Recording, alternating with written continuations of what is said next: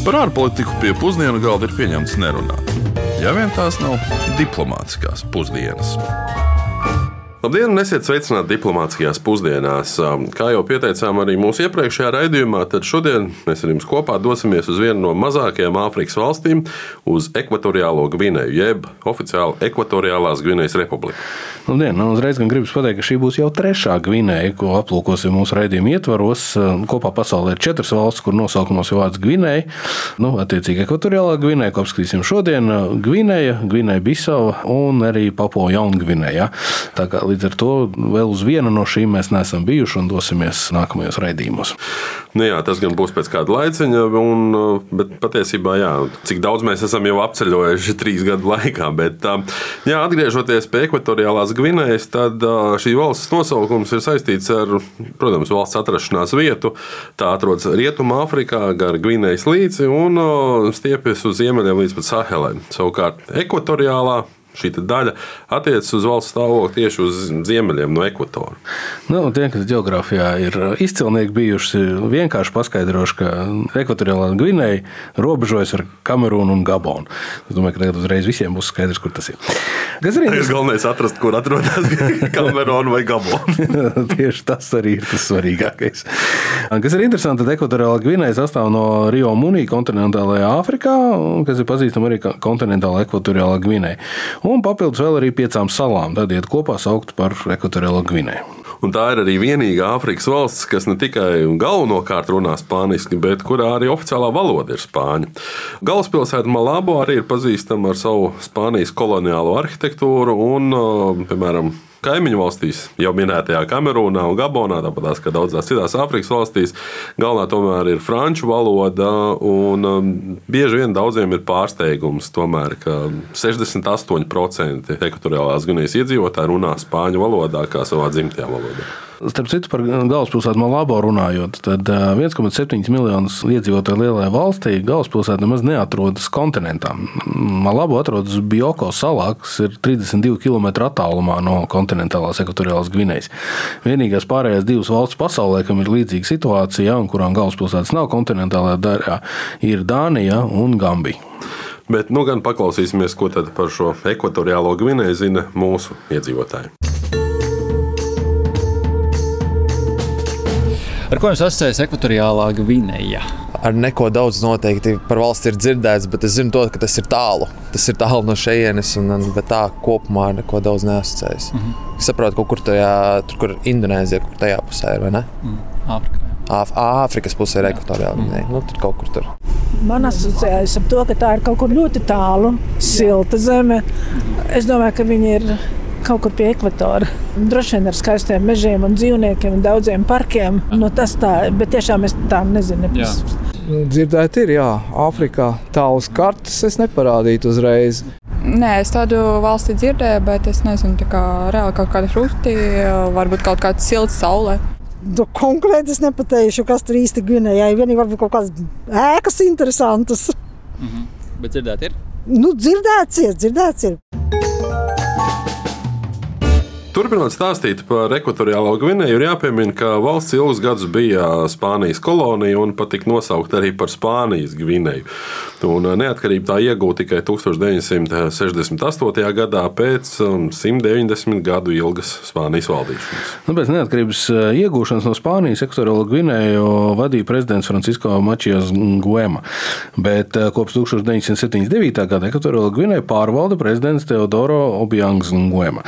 80 40 gadus vecais līderis eh, kļuva par otro valsts prezidentu pēc savu tēvoču gāšanas, un, kas ir interesanti, tad neskatoties uz vairāk nekā desmitiem mēģinājumu gāzt arī pašreizējo prezidentu, Objāns ir eh, turējies pie varas vairāk nekā 43 gadus un ir nopelnījis Āfrikas un pasaulē visilgāk amatā esošo prezidenta titulu. Starp citu, šajā mēnesī, 20. novembrī, Ekvatoriālajā Gunijā norisināsies prezidenta, deputāta palātas, senāta un arī pašvaldību vēlēšanas. Sākumā tās bija plānotas rīkot atsevišķi, gan šajā gadā, gan arī nākošajā. Tomēr nu, parlaments tomēr izlēma visus balsojumus apvienot vienās vēlēšanās, galvenokārt jau ekonomisku apsvērumu dēļ. Nu jā, valstī kopš 1992. gada pastāv daudz partiju sistēma, nu, vismaz uh, oficiāli. Tomēr politiskā opozīcija, lai gan nomināli viņa ir atļauta, uh, faktiski tomēr nepastāv. Jo prezidenta Objanga lojālistiem ir gandrīz visas vietas likumdevējā, kopš nu, viņš kļuva par valsts vadītāju. Nu jā, viņa vadītā demokrātiskā partija ir uzvarējusi katrā vēlēšanās, nu, parasti iegūst vairāk nekā 90 balsu. Pārsteigums. Un, jā, un, un, un, jāpiebilst, gan arī pati opozīcija ir gan boikotējuši šīs vēlēšanas, gan arī nu, jebkādas pieejamās aptaujas. Nu, pēc pēdējiem datiem 2016. gada vēlēšanās Demokrātiskā partija ieguva 93,7% balsu. Nu, tas ir viņu sliktākais rezultāts. Nu. Jā, starp citu, Ekvatoriālās Gvinējas Demokrātiskā partija, tā viņa arī saucās. Viņa ir 99 no 100 vietām aizējošajā Nacionālajā asamblējā un visas 55 vietas senātā.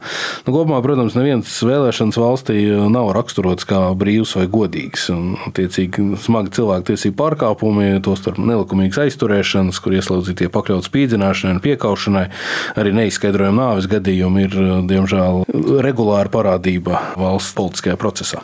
Nu, un, starp citu, arī tagad priekšvēlēšana laikā valstī notiek ļoti asiņaini notikumi, un policija jau vairākas nedēļas ir veikusi ļoti nežēlīgu oponentu arestēšanu, ieslodzīšanas kampaņu.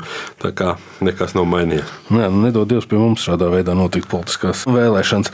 Human Rights Watch, piemēram, apgalvo, ka kritiķi valstī ir spīdzināti un ka valstī ir noteikti negodīgas tiesas. Vienā no šādiem piemēriem policija pēc konfrontācijas ar opozicionāriem arestēja 147 septiņus uh, partijas biedrus, kas ieņēma vienīgu opozīcijas vietu parlamentā. Tiesa vēlāk arī piesprieda 28 no partijas biedriem 30 gadu cietumsodu un lika pašu partiju arī likvidēt.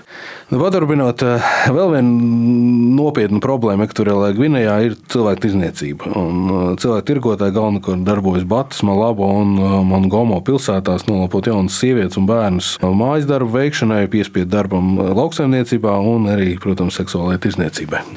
Turpinot raksturot visai bēdīgo situāciju, Ekvatoriālā Gvinijā ir jāpiemina, ka valsts ir traģiski slavena arī kā viena no tām valstīm ar pasaulē zemākajiem paredzamajiem dzīves ilgumiem.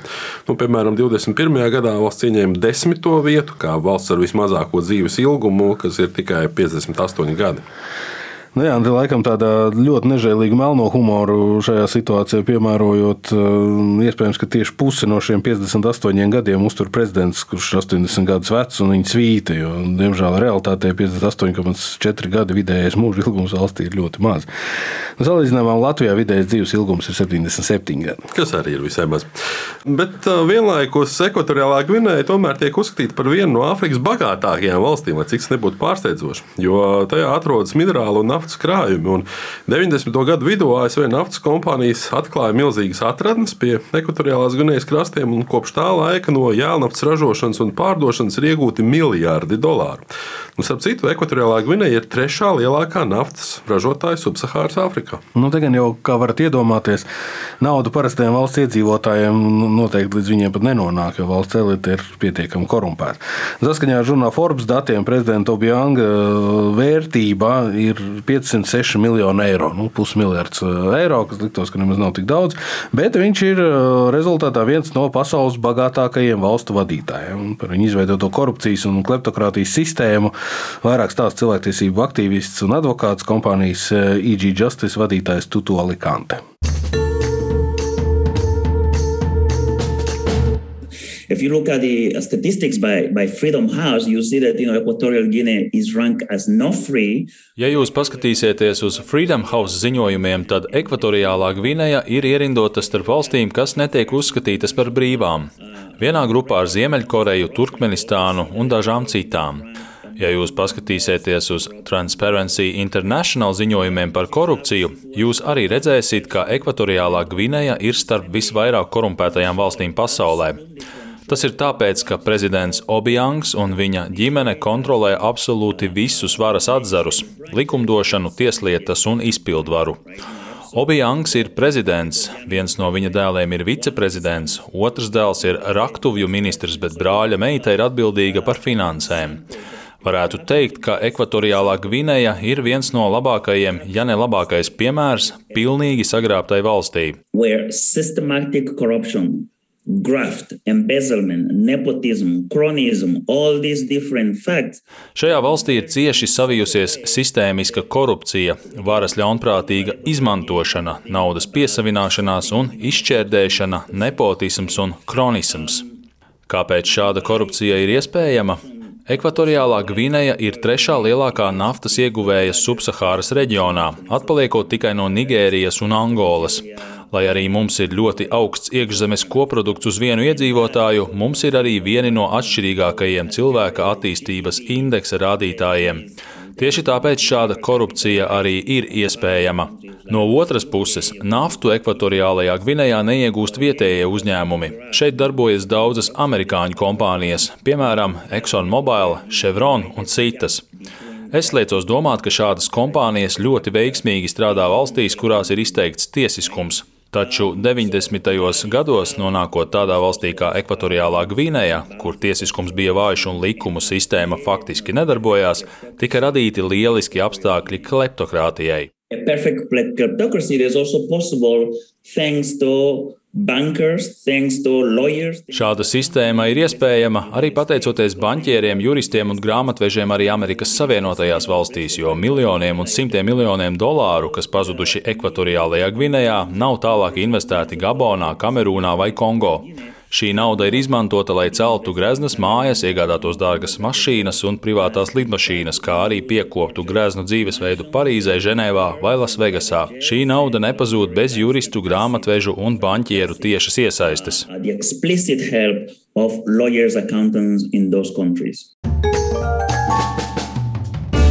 Kā jau varējāt nojaust, tad ne tikai vecuma atšķirības, bet arī ienākuma atšķirības, kā redzat, starp valsts vadošajiem un, un, un pārējiem iedzīvotājiem ir pamatīgas. Nu, jau lūk, piemērs. IKP uz vienu iedzīvotāju pēc pirktspējas paritātes ekvatoriāla Gvinējā ir apmēram 17,000 eiro, kas ir nu, apmēram divreiz mazāks nekā Latvijas. Bet arī pašā laikā 2020. gada ANO attīstības indeks ekvatoriāla Gvinēja ierindoja 145. vietā no 189 pasaules valstīm, kur pastāv vislielākā atšķirība atšķirības starp bagātību uz vienu iedzīvotāju un cilvēku attīstības rādītāju, respektīvi nevienlīdzība ir šo rādītāju pamatā. Nu, kopumā var teikt, ka valsts ar vidējiem ienākumiem nu, nevar patiesībā saņemt lielāko daļu no Pasaules bankas un arī Starptautiskā valūtas fonda finansējuma. Un tāpat Ekvatoriālās Gvinējas valdība ir plaši kritizēta par paredzamības trūkumu un naftas ieņēmumu ļaunprātīgu izmantošanu. Valdība ir mēģinājusi risināt šo problēmu, strādājot, lai panāktu atbilstību iegūst rūpniecības pārredzamības iniciatīvai. Tomēr nu, arī pašreizējās vēlēšanas rāda, ka valsts vēl ar vienu tomēr pārkāpj cilvēktiesības, un šī kleptokrātija un korupcija ir ļoti, ļoti plaši izplatītas un iesakņojušās sabiedrībā. Lai cik būtu paēdis, vienmēr ir vieta arī desertam. Šodien desertā runāsim par to, ar ko sākām šo raidījumu par Gvinējām. Tātad, uh, Ekvatoriālo Gvinēju, Gvinēju Bisau, Papo Jaungvinēju, Gvinējas līci, Gvinēja Virģīnija, Gvinēja Jaunskotija. Nu, parunāsim sīkāk par to, ko tad nozīmē un kā izskaidrojam šī vārda izplatība. Nu jā, par Gvinēju un Gvinējas cūciņām, jūras cūciņām mēs jau esam arī iepriekš runājuši, bet nu, šoreiz, šoreiz viens cits nedaudz variants, kā šis termins radās.